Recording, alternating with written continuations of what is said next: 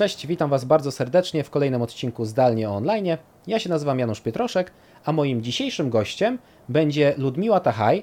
Ludmiła jest R&B Administrator w Office of Human Research na Uniwersytecie George'a Washingtona w Waszyngtonie. Cześć Mila. Witam Janusz. E, powiedz proszę, czym zajmujesz się e, w Waszym biurze? E, czym jest Office of Human Research? Na czym polega Twoja praca? Office of Human Research to jest office, który zajmuje się badaniami na ludziach. A, jako IRB Administrator to moją główną rolą jest sprawdzić dokumenty, które wysłane do nas naukowcami, czy wszystko zrobione prawidłowo z prawem żeby zabezpieczyć uczestników tych badań.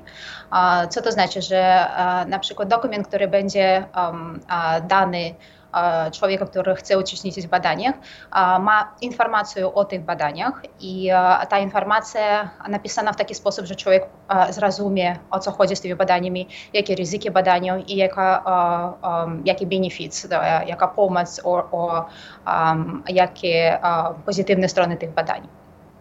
Czyli wy zajmujecie się w biurze tym, że jeżeli jestem firmą farmaceutyczną, załóżmy, chcę sobie stworzyć nowy lek albo na przykład nową szczepionkę, bo o tym też będziemy dzisiaj rozmawiać, chcę stworzyć sobie ten nowy produkt, muszę przeprowadzić jakieś badania, to wy zajmujecie się tym, żeby te badania były przeprowadzane bezpiecznie, znaczy sprawdzacie, czy one są bezpieczne dla ludzi i czy ludzie, którzy się na nie godzą, zdają sobie sprawę z tego, na co się godzą.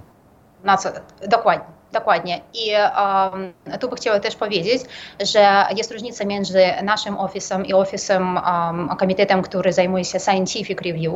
To jest to znaczy, że sprawdzają tą naukową część tych badań, e, badań to, że my zajmujemy się tylko ochroną ludzi, którzy chcą uczestniczyć w badaniach. Okej, okay, czyli mamy taki, takie, taką instytucję, E, jak wasza, która sprawdza, czy jakby badania, poza tym, że później czy ten lek jest bezpieczny, czy, czy nie, to już jest inna sprawa, e, bada, czy ludzie, którzy biorą udział w tym eksperymencie, czy oni są jakby bezpieczni, czy sobie, czy jakby wiedzą, na co się piszą. O, tak, tak bym to jest takie, Tak, to jest taki jakby taki komitet etyki badań.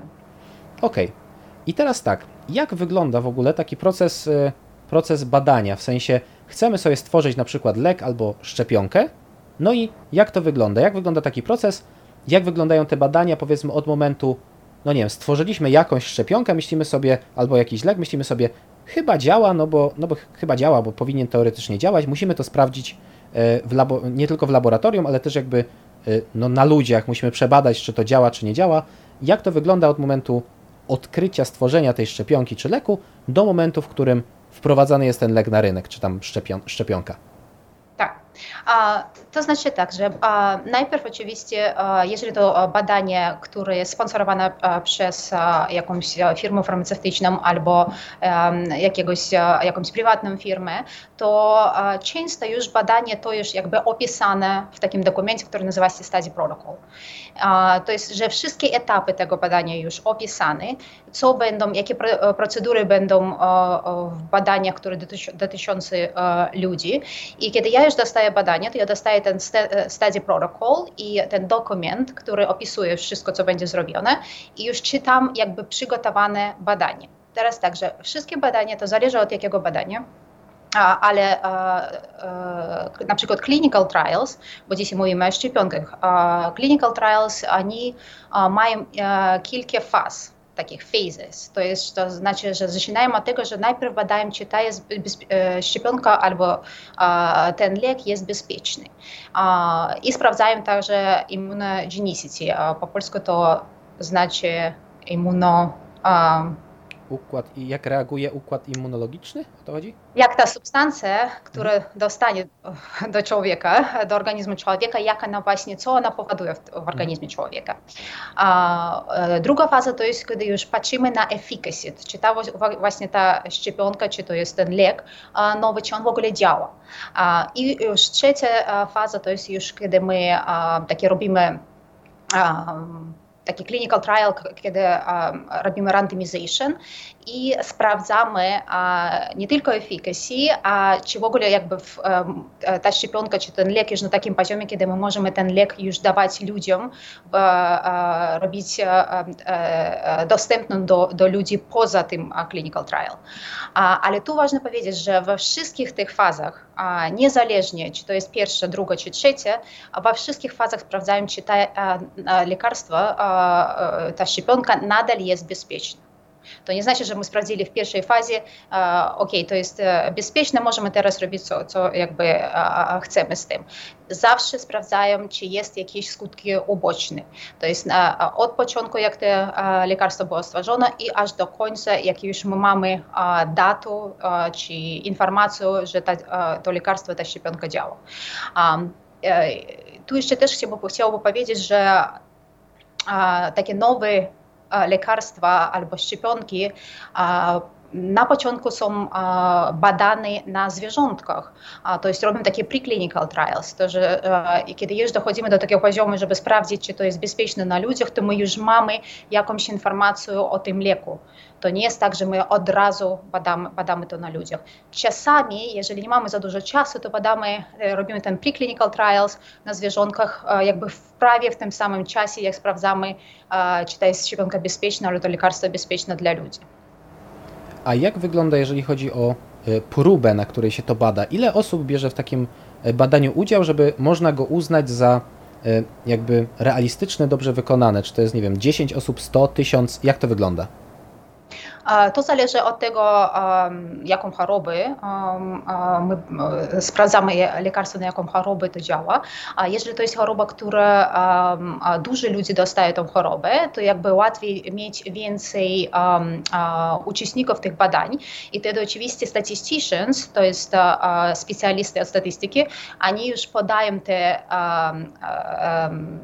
numbers, ile um, uczestników badań będzie wystarczy, żeby pokazać, że ta szczepionka są, jest, albo lekarstwo jest bezpieczne i że to ono działa. Um, w przypadku szczepionek na COVID to dużo ludzi teraz są chorzy uh, i szczepionki na COVID mają naprawdę dużą liczbę uczestników, co nie jest takie um, powszechnie. W niektórych, tak jeżeli brać na przykład Moderna albo Pfizer, oni mają tam po 70 tysięcy uczestników badania, to jest bardzo dużo, dużo ludzi. I dlatego jakby te odpowiedzi, które my dostajemy z tych badań, tą informację tych badań, to jest informacja, która daje nam jakby dużo wiedzy jest bardzo realistyczna, bo jest duża, bardzo duża próba. Tak, tak. A jakby skąd się biorą ci ludzie? W sensie rozumiem, że jeżeli jest jakaś choroba, powiedzmy, która no człowiek wykorzystał już wszystkie inne możliwości i nie ma za bardzo innych możliwości, bo już się skończyły no, możliwości takie, które są dostępne, to może się zgłosić na jakieś takie badania, nazwijmy to eksperymentalne, no bo ma jakby ostatnią szansę na to, żeby, żeby z nich skorzystać bądź nie. Jak to wygląda w przypadku innym, bo zakładam, że taka sytuacja no, nie jest jakaś super częsta. Większość leków to nie są leki czy tam szczepionki na rzeczy, które już są takie jakby ostateczne. Czy ci ludzie na tym zarabiają pieniądze, czy zgłaszają się tam dobrowolnie, bo chcą pomóc ludzkości? Jak to wygląda? No po pierwsze, co jak dostaję to badanie, to kiedy czytam o tym, jak będzie robiło się rekrutment, to najważniejsza rzecz, że to jest, że, że ludzie są wolontariuszami. Oni nie nie mogą być zmuszani. Nie mogą być zmuszani. Tak, to jest najważniejsza rzecz. Um, teraz tak, jeżeli chodzi o, o, o, płacie, o jakoś płaty za te badania, to to też zależy od um, jakie, to jest, jakie to jest badanie. Jeżeli to jest badanie, które na przykład w, wymaga, żeby człowiek przez cały dzień był w tej klinice na jakichś tam testach, na jakichś tam takich badaniach związanych z, niepośrednio z, z badaniem, tym, z tym clinical trial, no to oczywiście człowiek jakby traci pieniądze, bo on nie jest w pracy. No to jeżeli jakaś compensation jest zaproponowana przez um, um, naukowca, to to jest dopuszczalnie. To nie jest jakimś czymś, że człowiek na tym zarabia i dlatego może nie do końca zdaje się sprawę, o co chodzi w tych badaniach i jaka ryzyka, ale myślę, że zarabia na tym pieniądze i dlatego uczestniczy w tych badaniach. To jest też my patrzymy na to, co będą robili w badaniach i ile kompensacji tej jest zaproponowane ludziom. Ale to nie jest takim, ja bym powiedziała, rzadkim, że w badaniach właśnie albo płacą na przykład za to, że ty jedziesz od swojego domu do tej kliniki i musisz zapłacić za benzynę, musisz zapłacić za ten parking jak przy tej klinice, no to naukowcy proponują, że, że my zapłacimy za te twoje expenses. Czyli generalnie też musicie badać, czy ktoś, jakby, pomimo że teoretycznie nie jest zmuszany, ale czy sytu jego sytuacja ekonomiczna go nie zmusza do tego, tak? Że on tak, tak. naprawdę nie ma wyboru. Tak, to jest, że oczywiście to sprawdzamy, a, a też patrzymy na to, kogo, kto by, będzie zatrudniony. Też a, mamy grupy ludzi, które my nazywamy vulnerable population.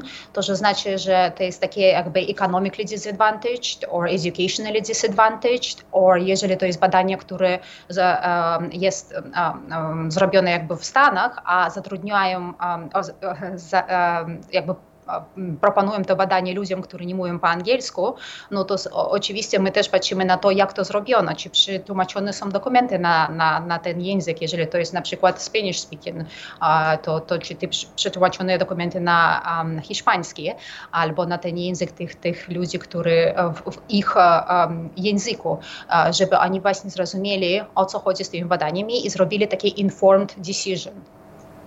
A czy jesteś w stanie wskazać, tak nie mówię, że dokładnie, ale mówisz, że przy badaniach nad, nad Pfizerem, Moderną, nad szczepionkami na COVID brało dużo, dużo ludzi udział, tam kilkadziesiąt tysięcy. Jak to się ma w stosunku do na przykład innych szczepionek czy innych leków? Czy ta skala jest taka, że przy szczepionce na COVID brało udział 70 tysięcy, a przy innych lekach bierze na przykład 60 tysięcy? Czy to jest skala większa, że na przykład przy innych lekach bierze 1000 osób? Powiedziałoby, że to jest e, e, większa skala i um, jak um, powiedział, że to, to dlatego, że mamy um, teraz pandemię i dużo ludzi chcą uczestniczyć w tych badaniach, bo oni po pierwsze jakby myślą, że może jeżeli dostaną do, przy tym randomization do tej właśnie grupy, które dostają szczepionkę, to może będą uratowani, a, a niektórzy po prostu chcą pomóc naukę i jak najszybciej tą szczepionkę już mieć dostępną dla innych ludzi. I to może być na przykład, że ja mam członków rodziny, które są 75 plus i martwię się o nich i już jakby chciałoby jakoś pomóc w, w nauce, żeby, żeby to już było możliwe uratować tych moich starszych członków rodziny. Czyli motywacje są różne, ale jeżeli skala jest, skala jest taka duża, to następne pytanie moje brzmi: dużo osób w ogóle obawia się szczepionek, tych nowych, E, tam z różnych względów e, są różne teorie, o tym będziemy jeszcze mówić później. E, jak, jakby, czym to badanie tych Pfizerów, Modern, AstraZeneca i tak dalej, czym, czy ono było jakieś gorsze, mniejsze, ze względu na to, że było wykonywane szybko, no bo to jest bardzo szybko wprowadzona, wprowadzone szczepionki na rynek, czy wręcz przeciwnie, ta próba musiała być większa, dlatego że był krótszy czas, więc trzeba było szybciej więcej danych uzyskać. Jak to wyglądało? No po pierwsze chcę powiedzieć, że oczywiście te badania, badanie, ja bym powiedziała, że może nawet bardziej doskonale, jeżeli można tak powiedzieć, bo wierzę w to, że naukowcy doskonale robią wszystkie badania swoje, ale w tym przypadku musimy też pamiętać, że dużo naukowców, którzy nie uczestniczą w tych badaniach, a po prostu słuchają, czytają o tych badaniach, to właśnie mogą to sprawdzić mogą zrobić takie replication study albo na przykład zbierać tą informację już, jak ta szczepionka będzie dostępna do ludzi. To znaczy, że jak człowiek dostaje, dostaje szczepionkę, to dostaje taką jakby ulotkę, i, gdzie napisane, że on musi zgłosić swoje jakieś niepożądane efekty, jakieś tam skutki uboczne, które jeżeli, jeżeli czuje coś po szczepionce, to znaczy, że ta informacja już będzie dostępna do innych naukowców, którzy mogą jakby sprawdzić, czy to jest właśnie prawda, to, to co oni otrzymali w czasie badań tej szczepionki. Co dotyczy to, że było zrobione szybko, to nie znaczy, że było zrobione źle. To właśnie było tylko zrobione szybko, dlatego że jak tylko dostajemy badanie, na przykład ja dostaję badanie, ja mam dużo badań, tak? Jeżeli ja mam na przykład 50 badań, a, a, które ja muszę um, rozpocząć, to um, badanie takie jak na przykład na szczepionkę COVID albo na leczenie jakieś na COVID, to ono jest wysyłane przez taki rush review request. To znaczy, że e, jakby ja dostaję badanie, ja muszę na to popatrzeć w pierwszej jakby kolejności, bo to jest badanie, które jest essential, to znaczy, że tam jest taki potential benefit to the subjects. I, i to mnie zajmuje na przykład nie kilka tygodni, żeby na to popatrzeć, jakby sprawdzić tę dokumentację i wysłać te badania te dokumenty do komitetu, to ten IRB panel, to grupy ludzi, którzy są, jest ekspertami z dziedziny, którzy są non-scientists, to znaczy, że oni są, nie są naukowcami, ale oni na przykład jest representatives of um, the population. To znaczy, to mnie zajmuje kilka dni jeżeli mnie to zajmuje kilka dni, żeby to jakby już przygotować dla tego komitetu tych IRB members, tych specjalistów, to jak tylko już my dostajemy, jakby jest decyzja, jak już ten komitet rozpatrzył te dokumenty i zrobił jakąś decyzję, to tak szybko my wysyłamy już to do, do naukowca, to ten approval, że on, człowiek może, że, że naukowiec może już zacząć te badania. I tak samo z tym, jak już badanie te zrobione i wysyłają te data, tą informację o tych badaniach do FDA, w Ameryce to jest Food and Drug Administration, który właśnie jest taką ostateczną organizacją, która przyjmuje decyzję, czy te badania są bezpieczne, czy oni są, działają na ten COVID. Na przykład, jeżeli to jest wakcyna, czy ta wakcyna właśnie działa i daje to pozwolenie, ten taki emergency use authorization, że te, ta szczepionka może być używana dla wszystkich ludzi, to oni też patrzą na to i im to zajmuje nie tam na przykład 30 dni, a to zajmuje krótsze, tam, nie wiem, tam, kilka tygodni. To, i, dlatego to jest badanie, które zrobione szybciej, nie dlatego, że oni jakby ominęli jakieś etapy, a dlatego, że ten proces jakby jest przyspieszony, bo tyle, tyle uczestniczy tych różnych organizacji, żeby zrobić tą szczepionkę bezpieczną i, i jak szybciej dostępną do ludzi. Czyli tak naprawdę cały świat się zmobilizował, żeby to było szybko Dlatego Dokładnie. nawet urzędy, które czasami długo te papiery przewracają, przyspieszyły tempo właśnie po to, dlatego że jest po prostu duże zapotrzebowanie. Dokładnie. Okej, okay, a jak wygląda, jakby, jakby jak wygląda taka weryfikacja? Mówiłaś tam, że są, że są, jest komitet, który jest powołany z ludzi z różnych dziedzin i tak dalej. Jak wygląda taka weryfikacja? W jaki sposób sprawdza się, czy te badania przebiegły prawidłowo. Nie wiem, ile osób się tym zajmuje. Czy to jesteś jedna ty, która sprawdzasz dokumenty, wszystko jest dobrze i potem na cały świat idzie szczepionka, czy to jest ileś tam osób, które poza tymi ludźmi z zewnątrz, którzy jeszcze weryfikują to, czy przypadkiem ktoś tam e, ktoś tam tych badań jakiś nie sfałszował, albo, albo jakieś wyniki są niezgodne z tym, co innym ludziom wychodzi. E, ile osób jest zaangażowanych w to? Jakby, jaka to jest skala przedsięwzięcia, żeby takie coś przepuścić dalej? To jest niesamowita liczba osób, które uczestniczy w, w tym w badaniach, jak tylko to jeszcze ta, na przykład wakcyna ta stworzona, do momentu, jak ten study protokol jest napisany i w momencie, kiedy to już dostaje, jakby nasz IRB Office dostaje te badania i robi decyzję, że, że, że naukowiec może zacząć te badania z ludźmi i aż do tego momentu, jak FDA robi tą, ten Emergency Use Authorization, daje pozwolenie używać tę szczepionkę na ludziach. Zaczniemy od początku. Scientific Review to jest właśnie ten, to jest taki jakby komitet, który patrzy na tą naukową część tych badań, czy ten taki study design czy on ma w ogóle sens, czy on jest zrobiony w taki sposób, że on jest bezpieczny dla ludzi, ale w tym samym momencie on daje jakiś rezultat. Bo to, że jeżeli zrobić, wiesz, może być także zrobione bardzo bezpieczne, a tak naprawdę to, co rezultat my otrzymamy, to on nam dużo nie daje. To jest jeden komitet i on jest, może mieć dużo naukowców z tej dziedziny, w jakiej właśnie to, to, to badanie jest robione. I to może być dużo ludzi, no nie wiem, to zależy oczywiście od badań, to może być 10, a może być 20 jak już ten scientific review jakby było zrobione i badanie jest wysłane do IRB, no to IRB panel to też zależy od instytucji, ale na przykład na George Washington University my mamy dwie IRB takie paneli i na przykład na tej panel, która zajmuje się biomedycyną, mam 10 członków IRB.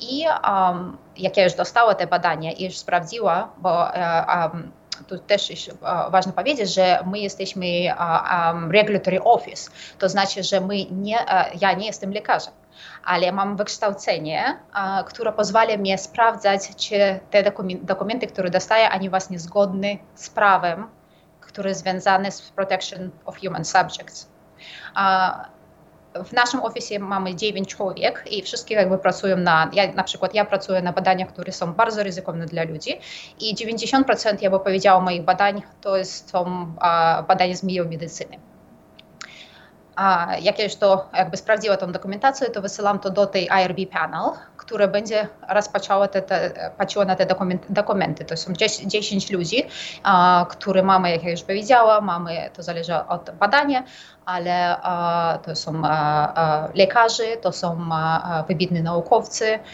to są ludzie, którzy nie są naukowcami, ale których jakby patrzą na, na te badania, jak one będą robione z ludźmi pod innym kątem, pod kątem jakby czy to w ogóle ten język, który w, używany w tym dokumencie, który będzie dawany do człowieka, czy on jest, jakby czy, ja czy, czy w ogóle człowiek zrozumie. Na przykład my mamy e, bardzo ważny taki etap, to jest, żeby sprawdzić dokument, taki consent form, żeby ona była napisana na poziomie ósmej klasy żeby człowiek zrozumiał, o co chodzi w badaniach, a nie tak, że on podpisze dokument, a, ale tak naprawdę tylko może 10% z tego, co było napisane, w, w ogóle zrozumiał.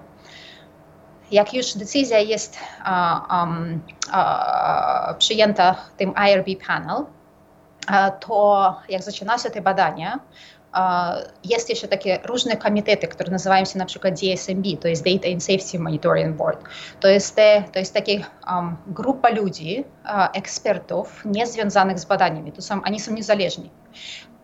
Oni patrzą na badanie, um, e, to też zależy od jakiego badania, ale na przykład to może być co 3 miesiące czy 6 miesięcy, patrzą na jak zrobione badanie, patrzą na skutki uboczne, patrzą, czy to właśnie skutki uboczne związane z tym właśnie z tym lekiem, czy to są skutki uboczne, które um, nieoczekiwane, czy to są skutki uboczne, które jest oczekiwane w tym wypadku, tak? Na przykład jeżeli to jest szczepionki, to wiemy, że na przykład jeżeli człowiek dostaje gorączkę po szczepionce, to to jest coś oczekiwane, to nie jest coś takiego nagle i to, co naukowcy jakby nie, nie, nie, nie myśleli o tym.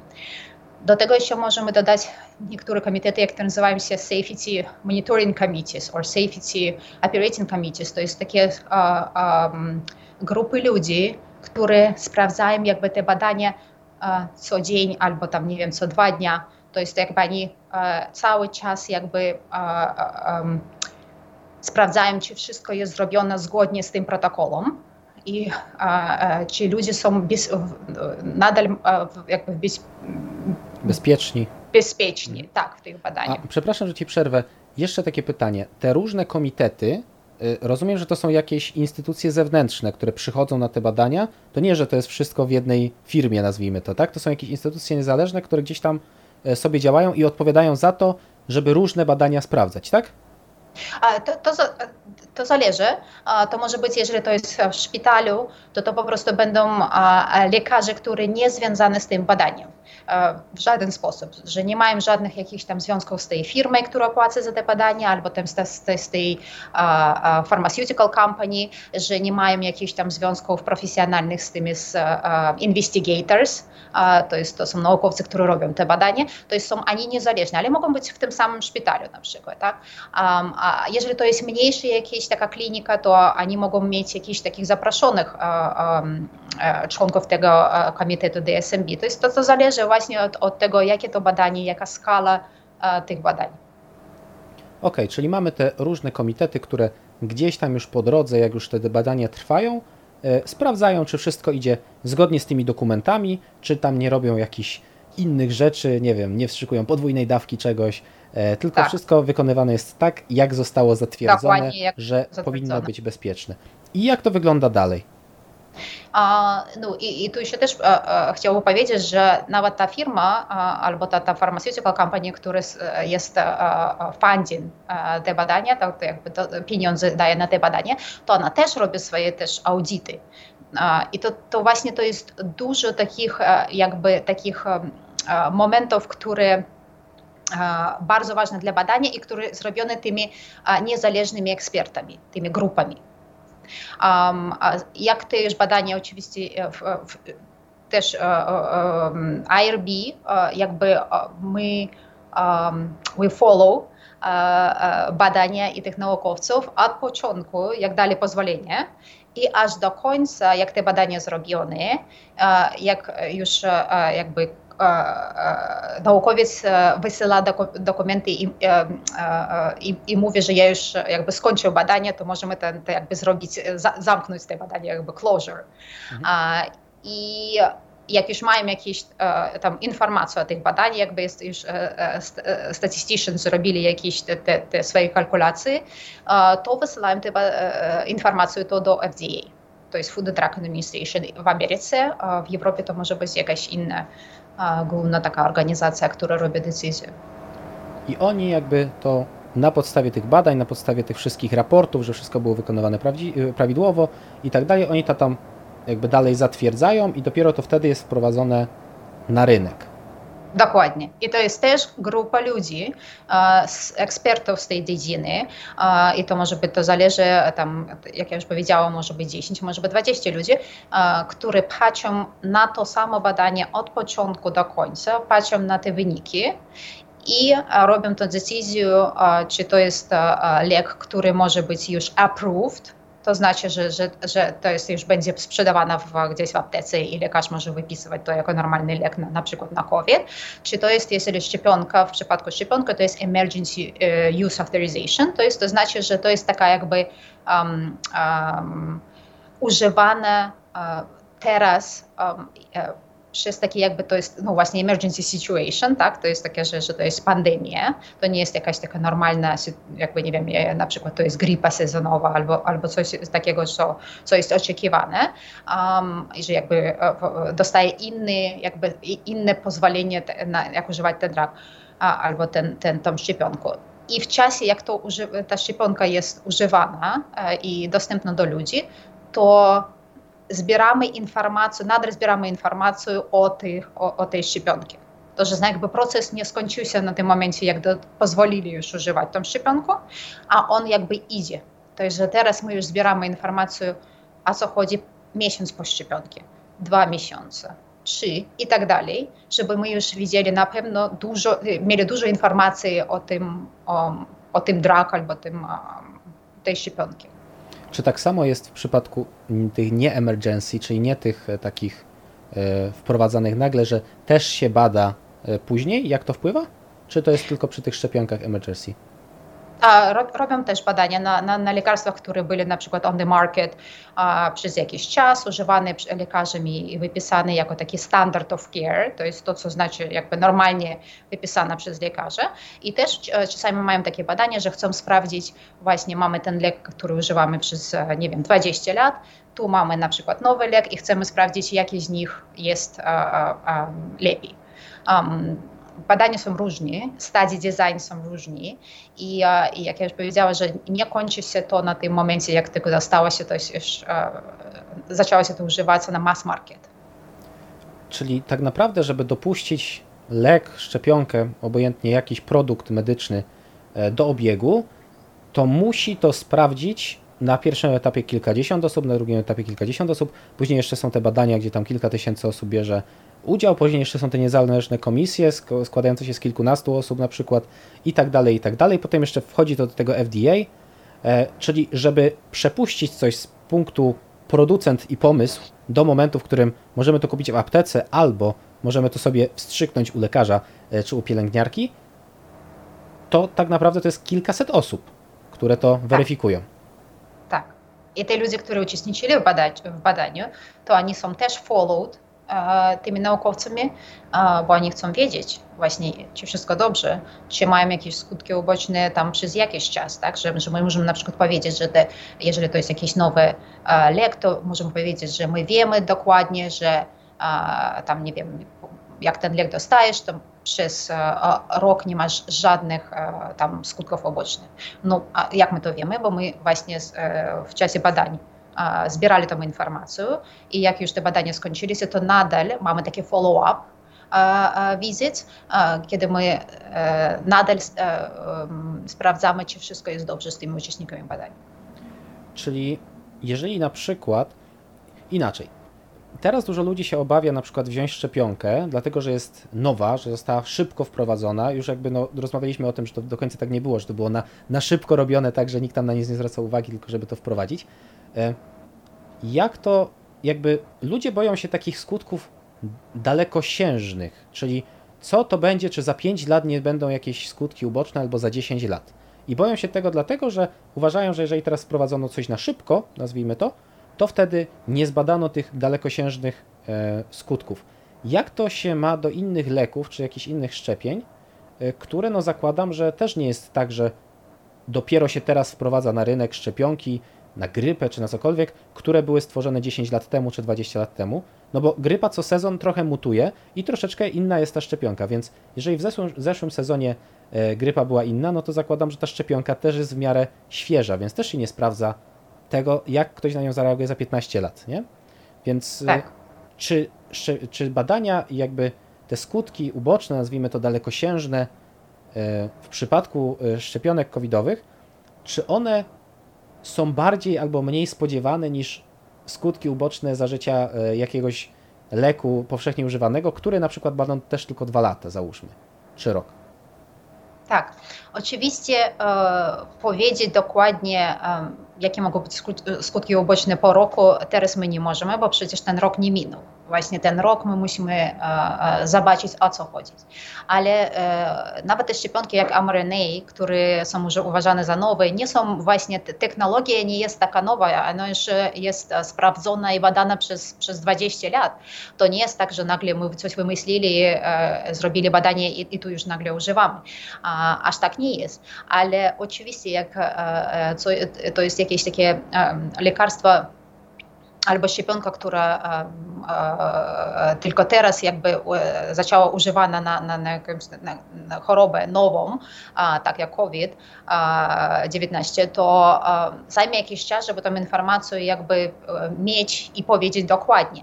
Ale jeżeli porównać to do innych lekarstw, no to my mamy też historię, że lekarstwa, które właśnie były zbadane, które byli, dostali dozwolenie, żeby to było sprzedawane w aptece, albo tam lekarz wypisywał to na jakąś chorobę, to my po 10 lat po jakichś nowych badaniach dowiedzieli się, że, że właśnie tam są skutki uboczne, o których my nie wiedzieli. Ale to jest tak, jak ja myślę, że ze, ze, ze wszystkim, tak jak jeżeli używasz ibuprofena, no to też tam są dużo skutków ubocznych albo paracetamola, ale wiemy, że jeżeli człowiek no, mają jakąś tam, nie wiem, ból głowy albo ból zęba, no to jeżeli nie będzie tam brał jakichś takich dozach, które nie są w tej ulotce napisane, no to wiemy, że, że, że to jest procent jest niski, że człowiek dostanie te skutki uboczne. Właśnie to samo mamy z badaniami, że mamy już to z badaniem na, wakcyny na COVID, że, że 70 na przykład tysięcy albo 40 tysięcy ludzi uczestniczyło, to my już mamy jakąś informację o tym, jakie są skutki uboczne i, i jakie mogą być skutki uboczne. Ale oczywiście dokładną informację będą, będziemy mieli po, po jakimś czasie. Czyli tak naprawdę są też na rynku leki i są też na rynku jakieś szczepionki, które też nie zostały przebadane 20 lat do przodu, tylko je używamy i uznajemy to za coś normalnego, dlatego że no, jakby ryzyko jest minimalne, więc, yy, więc jeżeli możemy sobie pomóc na jakąś chorobę, a ryzyko minimalnej ewentualnych skutków ubocznych jest minimalne, no to wtedy warto podjąć to ryzyko, tak nazwijmy. Yy, tak.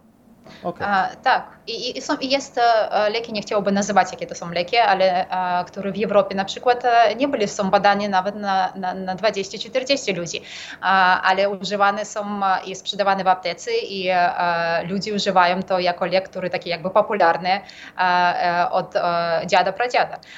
Dlatego jakby kiedy patrzysz na takie badania, które zrobione w taki sposób jak badanie wakcyny na, na COVID, to ja bym powiedziała, że mamy pewność, że, że, to jest właśnie to, co oni mówią o tych badaniach, o tych skutkach ubocznych, to jest, jest prawdą i, i musimy wierzyć naukowcom. No to jeszcze jedno pytanie. Też związane trochę z tymi e, teoriami spiskowymi różnymi, które krążą w internecie.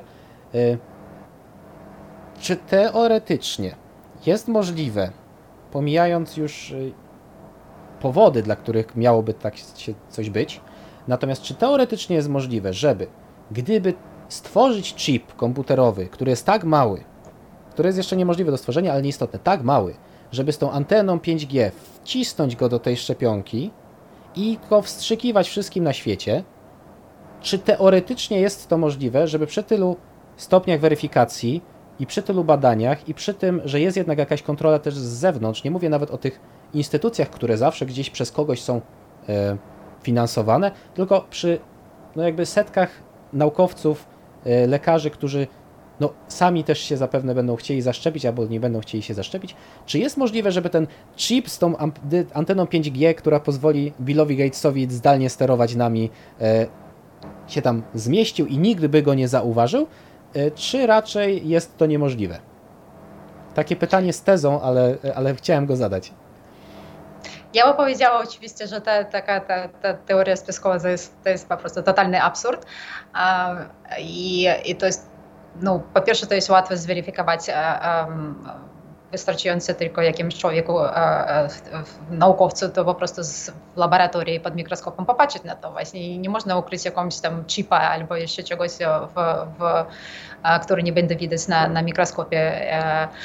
To jest po pierwsze. Po drugie, no to, to trzeba byłoby, żeby te wszystkie e, komitety niezależne, e, e, włącznie z, z komitetami, które właśnie dają to pozwolenie na te badania, żeby byli jakoś związani i siedzieli cicho i tym jakby ukrywali to. I to jest, to jest dużo ludzi. I to jest nie tylko dużo ludzi w, w kraju, gdzie te badania zrobione, ale to jest, to jest w całym świecie właśnie te naukowcy, którzy, którzy chcą sprawdzić, czy to jest właśnie badanie zrobione prawidłowo i jakie tam wyniki, czy, czy można temu wierzyć to ja bym powiedziała, że oczywiście to jest totalny absurd.